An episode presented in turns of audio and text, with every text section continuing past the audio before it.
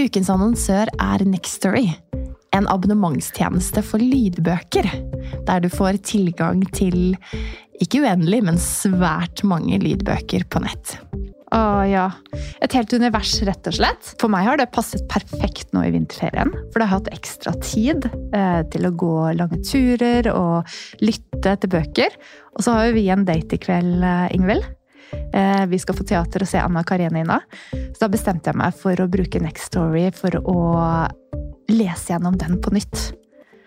Og det er bare helt fantastisk roman fra 1870-tallets Russland som jeg anbefaler alle å utforske, fordi den er like aktuell nå i 2024 som eh, den gang den ble skrevet. Men det er jo så fint, da, ikke sant? Og uavhengig av om eh, man har vinterferie eller mer tid til overs, så har man også disse små lommene i hverdagen. Du kan ha boken på øret, og du kan brette tøy, eller du kan sette på en klesvask, en oppvask, whatever og dykke inn i dette universet. Og det er jo det som er så fint. I, eh, I, tillegg, da, når uh, disse små Dine kommer med den samme boken for 15. gang, Ingvild, og spør ja. mamma kan du lese denne, så er selvfølgelig det veldig hyggelig, men det kan også være eh, vel så hyggelig å, å få eh, boken servert fra noen andre, så kan man lytte sammen. Eh, vi har hørt mye på Albert Aabergs lydbøkene i Nextory, for det er et univers som både min femåring og min toåring elsker. Ah, det er fantastisk. Man kan finne så mye flotte verdener og opplevelser i gode bøker. Og du som lytter til oss, kan nå få seks uker med fri tilgang til Next Story hvis du går inn på linken nextory.no engler. Så gå inn der. Bli med oss eh, og utforsk bokuniverset, og så håper jeg at du har like stor glede av det som vi har.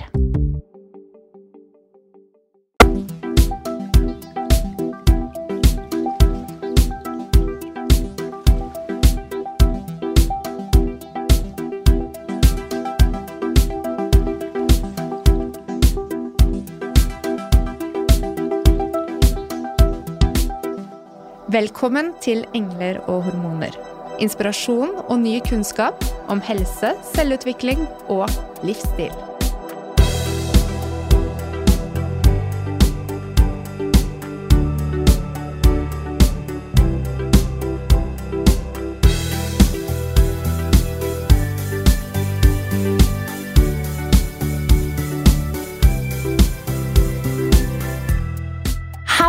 Hei, kjære lytter, og velkommen til nok en episode. Og dette er jo egentlig bare et tillegg til episoden vi spilte inn tidligere og sluppet denne uken med Claudia. Ja. Nydelig, Claudia. Jeg har kost meg så mye i studio med henne. Mm. Og hvis ikke du har lyttet til den episoden, så anbefaler vi at du gjør det før du lytter på denne. Ja. Fordi um, der gir vi masse gode råd om uh, livsstil og ja, livet etter en, mage, en fødsel gjennom magen. Mm. Eh, men i dag så skal vi snakke litt om vårt perspektiv på hvordan vi møter kvinner som er født gjennom magen versus født vaginalt. Ja. Fordi i klinisk praksis så er vi opptatt av at alle kvinner skal få lov til å komme seg etter fødsel og få hjelp til å få god funksjon. Men så er det litt annerledes eh, tilnærming for eh, disse kvinnene enn de som har født vaginalt. Ja, det er det. Og keisersnitt, det er jo som regel, eh, eller det skal alltid være av en medisinsk årsak her i Norge. Og eh, antall prosent som forløses ved en keiserfødsel, det er ca. 16% så det er relativt lave tall sett opp imot andre europeiske og andre land i verden. Ja, særlig asiatiske og noen i Sør-Amerika, ja. ja. Mm. Mm. Så, men det er jo da eh, abdominell kirurgi, altså det er eh, operasjon i magen. Mm. Og det kuttes gjennom hud og fett og bindevev. Og man sprer musklene, og man eh, dytter blæren til side. Mm. Og kutter gjennom livmor for å hente ut barnet. Eh, og alle disse lagene skal jo også heles hver for seg. Det er jo ikke sånn at det er bare der vi har et arr ytterst på magen eh, som det skjer tilheling. Og i starten etter man har uh, født ved keisersnitt, så er det også vanlig å ha smerter og redusert mobilitet. Man er veldig opptatt av å følge med på arret for å se at det ikke er infeksjoner. Og så har man også vaginal blødning, og noen opplever også lekkasjeproblematikk etter en fødsel eh, gjennom magen. Men det er også veldig ulike opplevelser på det. Ja, definitivt. Og det er så viktig det du sier om at også kvinner som er født gjennom magen, kan eh, oppleve bekkenbunnsdysfunksjon. Mm -hmm. eh, som for eksempel lekkasjer, som du sier. Noen kan jo også få fremfall, selv om det ikke nødvendigvis er like ofte. Mm -hmm. Så det finnes, å bare være klar over det. Og noen har jo vært igjennom nærmest en full vaginal fødsel før det blir besluttet at eh, babyen skal ut gjennom magen.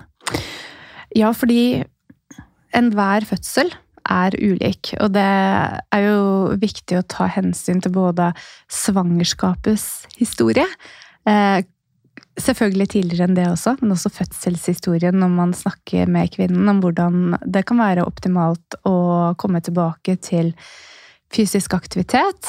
Og også å være med på å redusere smerte. For det er jo Det med smertebehandling er jo kanskje noe av det viktigste i starten, eh, Ingvild. Mm, absolutt. Og tarmfunksjon. Mm. For det er ikke bare bare alltid å få tarmfunksjonen opp og gå. Så det er også viktig at man eh, i tillegg til at man eh, har gode godt kosthold med nok fiber og væske. At man også har god toaletthygiene. Også ikke sånn at det er rent på badet, men at man, er, eh, at man eh, legger til rette for at man kan få en god tømming av tar, eh, tarmen. F.eks. når man sitter på toalettet, at man bruker en krakk og har Ja. bena på. Og at man faktisk lytter til det magen forteller. At når du får denne tarmbevegelsen som gir en beskjed om at nå må du på toalettet, og faktisk lytte til den og ikke vente. Fordi det er så fort gjort at hvis man venter lenge med det, eh, at man kan bli hard i magen, og det er ikke godt etter eh, ja, i de første, første tiden etter fødsel, da. Nei. Så det er, eh, det er noe som er viktig å påpeke. Mm. Um, og mange vil jo oppleve kanskje at de får litt ekstra hjelp også med noe tilskudd for å få gode tarmbevegelser. Ja, Mm. absolutt. Og hvis man har fått type hemoroider, noe veldig mange får eh, etter en vaginal fødsel spesielt, men også kan få som eh, en konsekvens av at det har vært økt trykk ned i bekkenet gjennom svangerskapet, Mm. så finnes det jo også lokale kremer og stikkpiler som man kan ta for å redusere dette. Snakk med din fastlege. Ja, Ja. eller det er veldig mye som er eh, reseptfritt på akkurat det, da, og det er ikke noe stoffer i det som er noe farlig å ta i, i eh, Sånn med tanke på overføring melk og sånn, for det fungerer jo primært lokalt, da. Ja. Hilsen ammeveileder Ingvild. Ja, det er kult, altså, Ingvild. ja. Bra at du kan mye om det. Um, og så er det jo um, Det er også dette med å bevege seg, da. Mm. Uh, bare det å reise seg opp i sengen, eller det å reise seg fra stolen opp i stående, kan jo for mange oppleves som noe utfordrende. ja. Man får jo eh, ganske høyt trykk inni kroppen når man endrer eh, disse posisjonene. Og så kan det jo oppleves tryggere å være litt sånn Slumpe seg litt ned i ryggen, eller krølle seg litt sammen, fordi et strekk på fremre side av kroppen kan oppleves som litt skummelt. Mm. Men det er jo også en periode man mater, kanskje bærer barnet, eller sitter med barnet i armene. Så, så vi vil jo absolutt oppfordre til at man tør å reise seg opp. Mm. Eh, og at man tør å kanskje forsiktig tørre å strekke armen over hodet. Eh, kanskje når du ligger nede på ryggen, eh, at du strekker bena ut godt. Bare sånn at du begynner å jobbe litt med å Mm. strekke ut fremsiden av kroppen. Ja. Kanskje første steg bare er å prøve å finne pusten ned i magen, slik som Claudia var innom. Pusten er jo kjempeviktig, eh, og det tenker jeg er en veldig, veldig bra gjennomgang av Claudia der. Eh, eh, og der snakket vi også om hvordan du kan jobbe med pusten, også med en fin meditasjon som kan hjelpe deg å hvile i pust. Mm. Men det er også noe med hvordan vi bruker pusten når vi er under mer belastning. Eh, og det å unngå et eh, høyt buktrykk er jo noe som vi nesten litt sånn anekdotisk sier, fordi man tenker at det må da være best for kroppen. Mm. Um, og erfaringsmessig så syns jeg at pasientene gir tilbakemelding om at de føler at de er tryggere. Mm. Men, men det finnes jo ikke mye forskning på dette, det må jeg bare understreke. Men det sies jo, i hvert fall når jeg har tatt utdanning, videreutdanning i trening etter fødsel, så sies det at man skal unngå det som heter vasalva, altså holde pusten og gjøre et høyt buktrykk. Ja. Og da blir jo taktikken å heller puste rolig ut, mens man gjennomfører en bevegelse. Løfter opp barnet, eksempel, eller ja. Ja. Når det er sagt, så er det også anbefalt at man ikke skal gjøre tung løfting eller mye husarbeid um, i de første seks til åtte ukene etter fødsel. Mm. Mm. Men kan vi ikke komme litt inn på hva som faktisk skjer, da? Da har jo det skjedd et snitt i magen som går gjennom mange lag, som du snakket om. Er det ikke syv totalt, eller noe sånt? Så det er ganske mye. Mm. Ja. Ja. Og Og dette skal jo heles. ja, det skal jo det, og det er jo en arrdannelse som skjer. Og når vi ser på hva arrdannelse er, så er det jo rett og slett at immunsystemet vårt er til stede og skaper egentlig en lokal inflammasjon i området for å unngå at det blir infeksjon. Så det er det første steget i arrdannelsen. Og så skjer det da etter hvert en vevsnydannelse. Altså at det dannes mer bindevev og mer kollagene fibre i det bindevevet enn vanlig i huden og i bindevevet vårt ellers i kroppen. Og det dannes nye blodårer som skal forsyne det nye arrvevet. Og Bindevevet og blodårene de jobber tett sammen for å erstatte det skadde vevet i området. Og det er jo sånn at får man et kutt et sted, og man ikke syr, så vil det jo være helt Ville Vesten, ikke sant?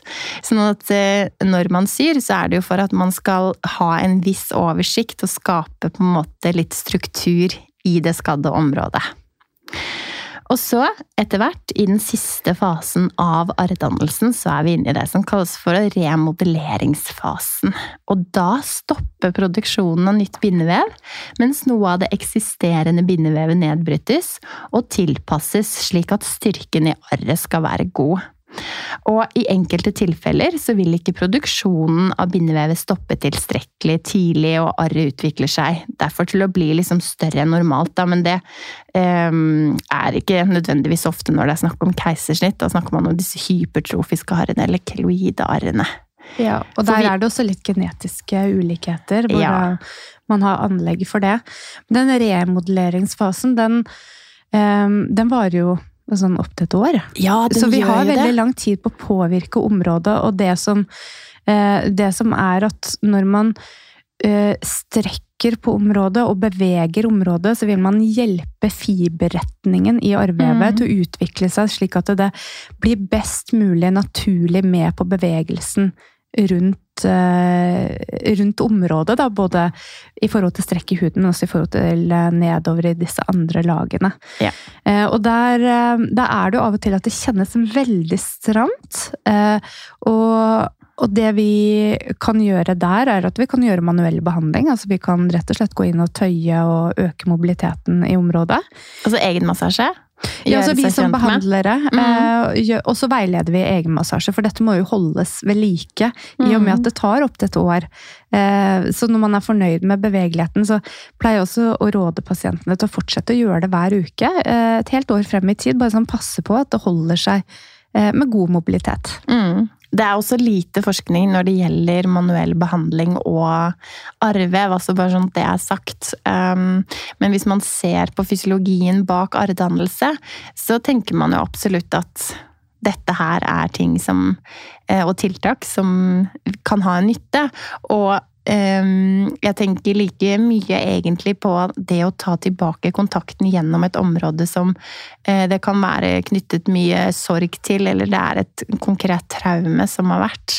Så både det å ta tilbake måte, kontakten ved å ta på, være snill mot, bli kjent med den delen av området og kroppen i, på nytt igjen, eh, så vel som det å øke sirkulasjon og bedre fleksibilitet og mobilitet i selve vevet. Ja, og så tar vi jo ikke bort arrvevet, det vil jo være der, men det er også det med mobiliteten i området, da.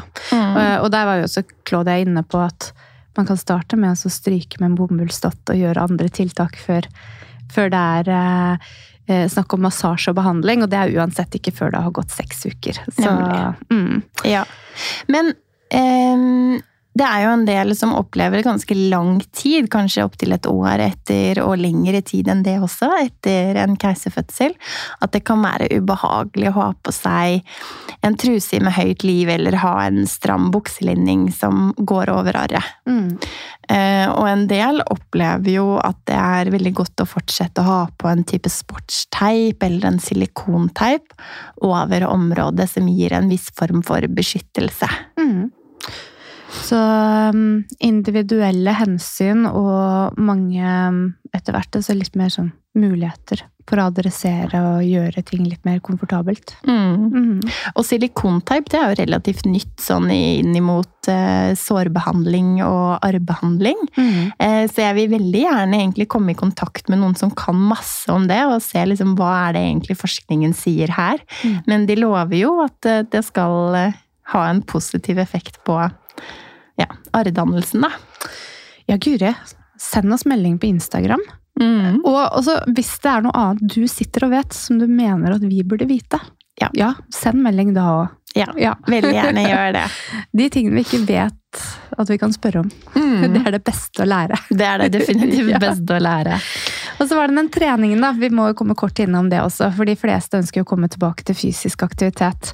Um, nå er jo retningslinjene fire til seks uker for vaginal fødsel, og så seks til åtte uker for keiserfødsel. Mm. Um, men um, jeg må jo si at det er også veldig individuelt når man er klar. Uh, og det kan godt ta lengre tid. Altså, Mm. Hvis du er i tvil, hvil litt lenger. Ja.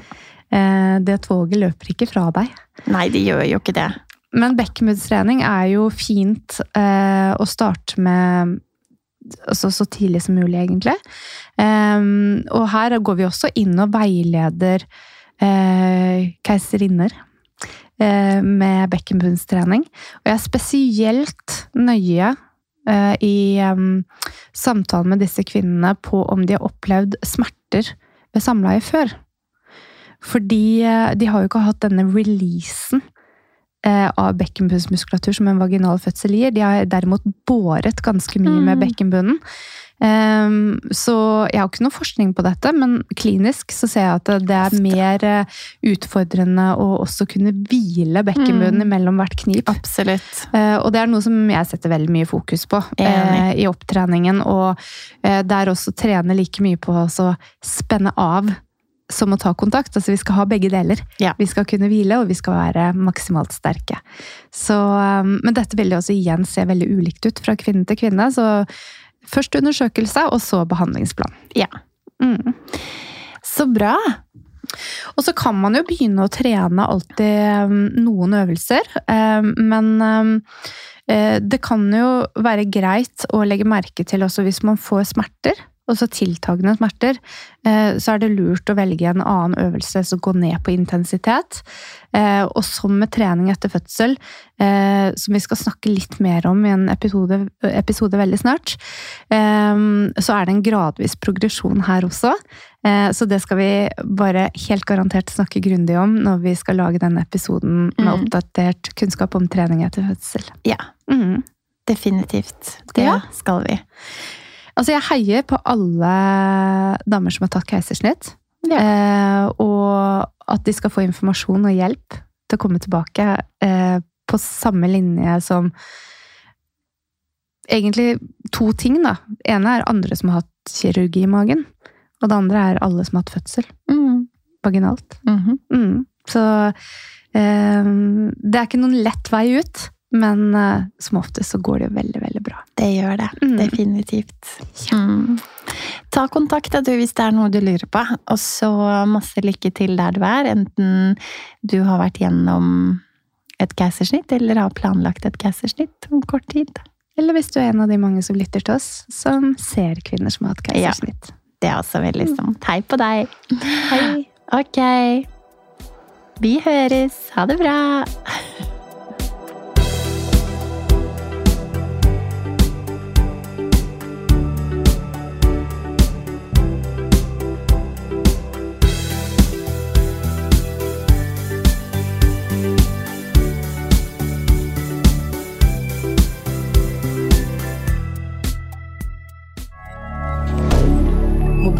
Canada.